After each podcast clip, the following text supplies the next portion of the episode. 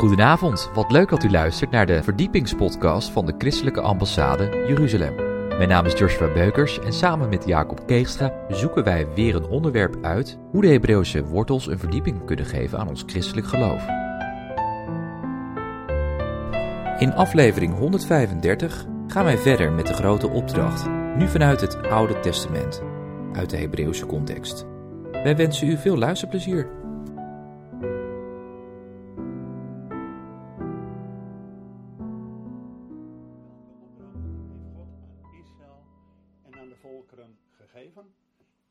Graag over nadenken. In deze aflevering over de grote opdracht vanuit het Oude Testament. De grote opdracht is wellicht bekend vanuit het Nieuwe Testament. Daar hebben we in een vorige aflevering bij stilgestaan, maar om de draad op te pakken gaan we toch even naar de kern toe. En dat is vanuit Matthäus 28, die bekende woorden waar staat: En Jezus kwam naar zijn discipelen toe, sprak met hen en zei: Mij is gegeven alle macht in hemel en op aarde. Ga dan heen. Onderwijs dan de volken, hen dopend in de naam van de Vader en de Zoon en van de Heilige Geest, en hun lerend alles wat ik u geboden heb in acht te nemen. Met andere woorden, in deze grote opdracht gaat het allereerst over de Messias, over Jezus. Die heeft alle macht. Die kan het ook allemaal zonder ons. Maar God heeft in zijn wijsheid besloten om zowel Israël als de volkeren te betrekken in die grote opdracht. En aan Israël, en met name die gelovigen uit Israël, de discipelen, is de opdracht gegeven om de volkeren te onderwijzen, dat de volkeren ook door het geloof in die Messias, in Jezus, erbij mogen horen. Dat we kinderen van Abraham zijn geworden en delen in de belofte die God al aan Israël heeft gegeven. En hen vervolgens ook dopend. Dat wil zeggen helemaal onder te dompelen, helemaal in te drinken in Vader, Zoon en Heilige Geest. En dat de volkeren tot discipelen worden gemaakt. Dus niet alleen het horen, maar het ook vervolgens doen. Nou, en over deze drie, over de Messias, over Israël en de volkeren, willen we nu ook met name nagedenken over diezelfde grote opdracht, maar dan nu vanuit het Oude Testament.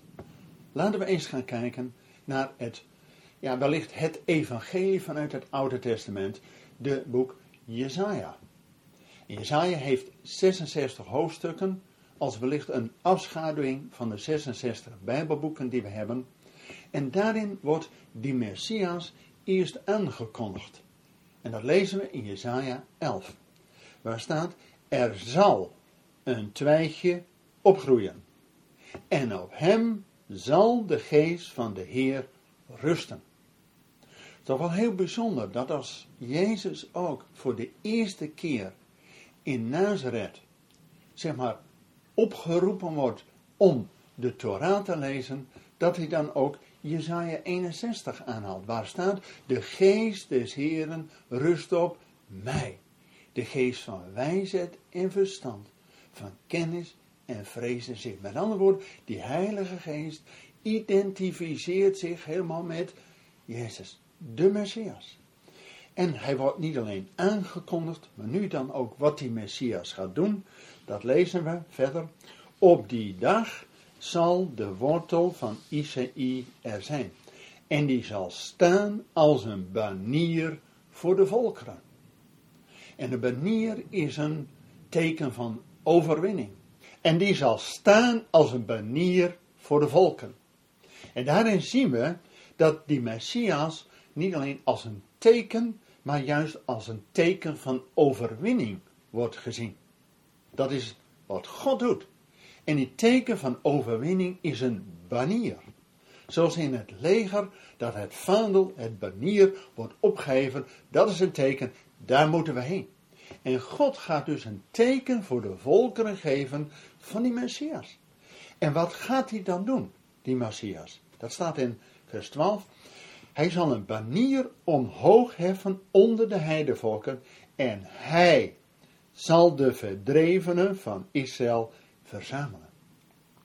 Hier zien we heel duidelijk ook een parallel met het Nieuwe Testament. Mij is gegeven alle macht. Die Messias kan het alleen. Maar hij gaat Israël terugbrengen naar hun vaderland. En vanuit die grote opdracht, als we het steeds hebben over die Messias, Israël en de volkeren, dan zien we in het geheel van Jezaja, dat aan het begin, Jezaja 11, dat die Messias het allemaal alleen kan doen, maar dan nu, in het keerpunt van Jezaja, Jezaja hoofdstuk 40, en dat is wel heel bijzonder. Eerst 39 hoofdstukken wat veel over oordelen naar de volkeren gaat. En vanaf Jezaja 40 dat het over de zegen gaat. En dan is het eerste vers wat God zegt, Jezaja 40 vers 1, troost, troost mijn volk, zegt de Heer. En dat is heel duidelijk dat het over de volkeren gaat. Die dan Israël moeten troosten. En wel heel bijzonder dat de christelijke ambassade dit vers als mandaat heeft.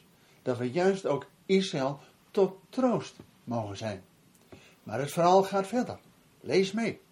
En dan staat in Jesaja hoofdstuk 49.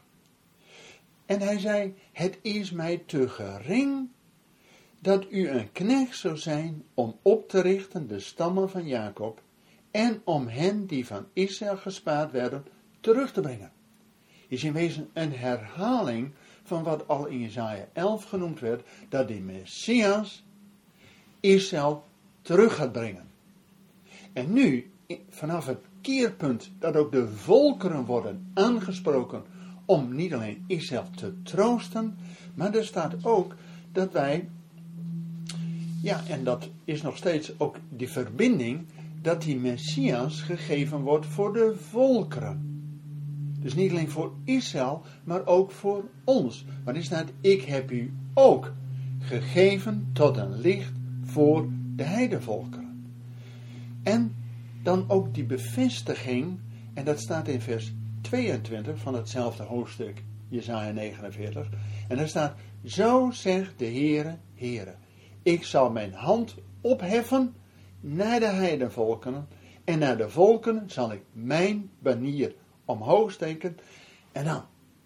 En dan zullen zij, dus de volkeren, zullen uw zonen brengen in de armen, en uw dochters zullen gedragen worden op de schouder. Met andere woorden, nu keert het om. Dat de volkeren niet alleen het goede nieuws hebben gehoord dat ze erbij horen, maar dat de volkeren worden opgeroepen om Israël te troosten, maar ook dat de volken worden opgeroepen om Israël terug te brengen naar hun thuisland. En dit wordt niet één keer in de schrift gezegd. Want een Bijbels principe is, op basis van twee getuigen zal iets waar zijn. En in hetzelfde boek Jezaja wordt het ook voor de tweede keer genoemd. En dat lezen we in het laatste hoofdstuk van Jezaja, Jezaja 66. En daar staat, de opdracht voor de volkeren, de tijd komt dat ik, dus duidelijk God, alle heidevolken en talen bijeen zal brengen. En ze zullen komen en mijn heerlijkheid zien. En ik zal een teken op hen aanbrengen. Dus weer over dat teken. En nu komt hij. En zij zullen al uw broeders uit de heidenvolken brengen als een offer voor de Heer. Oh, dus als wij Israël terug te brengen naar hun vaderland, is dat niet alleen maar een goede daad, maar het wordt door God gezien als een offer. Als iets wat we Hem aanbieden. Dat we Israël terugbrengen naar Israël en naar Jeruzalem. En waar gaat het om?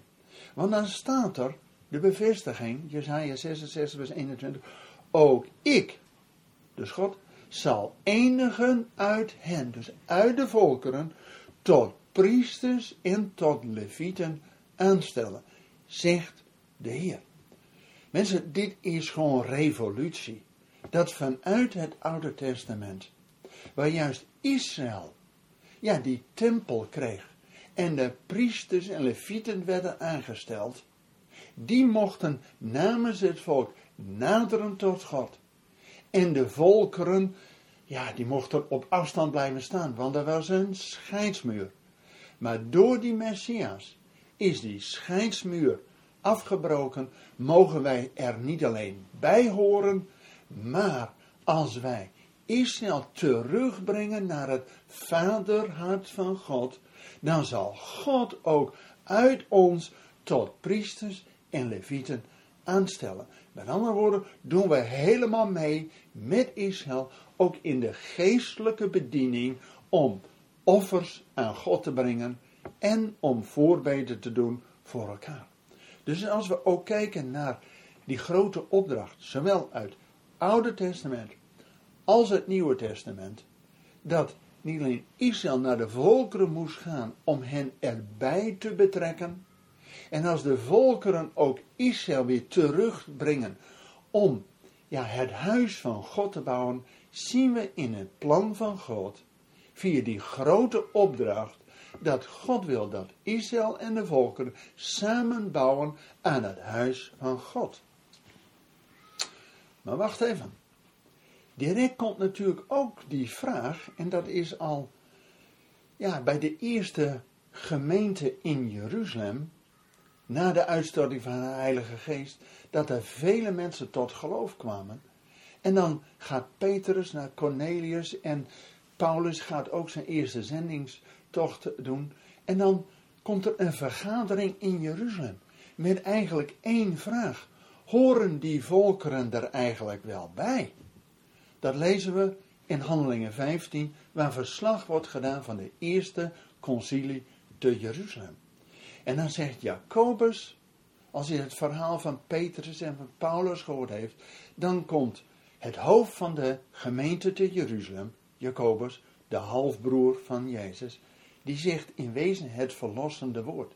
Hij haalt een profetie uit Amos aan, dat wanneer die volkeren erbij komen, is herstel van die hut van David.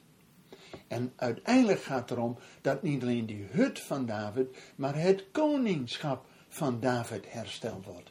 Want we weten, Jezus kan alleen terugkomen na het herstel van alle dingen. En dat wij samen met Israël in wezen de rode loper uitleggen voor Messias Jezus, die komt en zijn voet gaat zetten op de Olijfberg en gaat zitten op de troon van zijn vader David. En daartoe moet dus ja, die vervallen hut van David hersteld worden. En dat herstelplan ging dus in twee fases.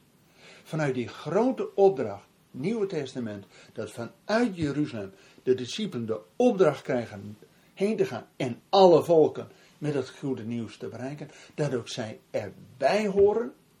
En vanuit het Oude Testament hebben we vandaag gezien dat ook die grote opdracht is dat de volkeren niet alleen Israël moeten troosten, maar ook hen terugbrengen. En dat wordt door God gezien als een offer. En dan ja, wordt niet alleen dat we erbij horen, maar ook geestelijk er helemaal bij horen. Dat wil zeggen, ook dat priesters en levieten worden aangesteld. Zodat het huis van David en het huis van God samen gebouwd wordt en we samen uitzien naar die grote dag dat Jezus, die Messias, die alle macht heeft en met ons is tot het eind der tijd, dat Hij weer op het toneel verschijnt. En daartoe is het een voorrecht dat wij als christelijke ambassade vanuit dat mandaat van Jezaja 40, troost, troost mijn volk, maar ook al meer dan 30 jaar in de bediening gesteld zijn om Israël terug te brengen, Alia te maken. En in deze tijd dat we ook de Joden uit de Oekraïne terugbrengen. Zowel weeskinderen, maar ook Holocaust survivors. En wil u graag meenemen in een filmpje wat wij gemaakt hebben, dat wij als christelijke dus christenen uit de hele wereld, die een hart voor Israël hebben en Israël terugbrengen, niet alleen naar hun land, maar uiteindelijk ook naar het vaderhart van God willen brengen. Blijf kijken. We zijn aan het einde gekomen van deze podcast van de ICEJ. Waardeert u onze podcast? Steun ons dan. Dat kunt u doen door een donatie of door deze podcast te delen met uw vrienden of familie. Ga naar icej.nl. Volgende week volgt er uiteraard weer een nieuwe aflevering van de Christelijke Ambassade. Ik hoop dan dat u wederom naar ons gaat luisteren. Bedankt voor het luisteren en tot volgende week.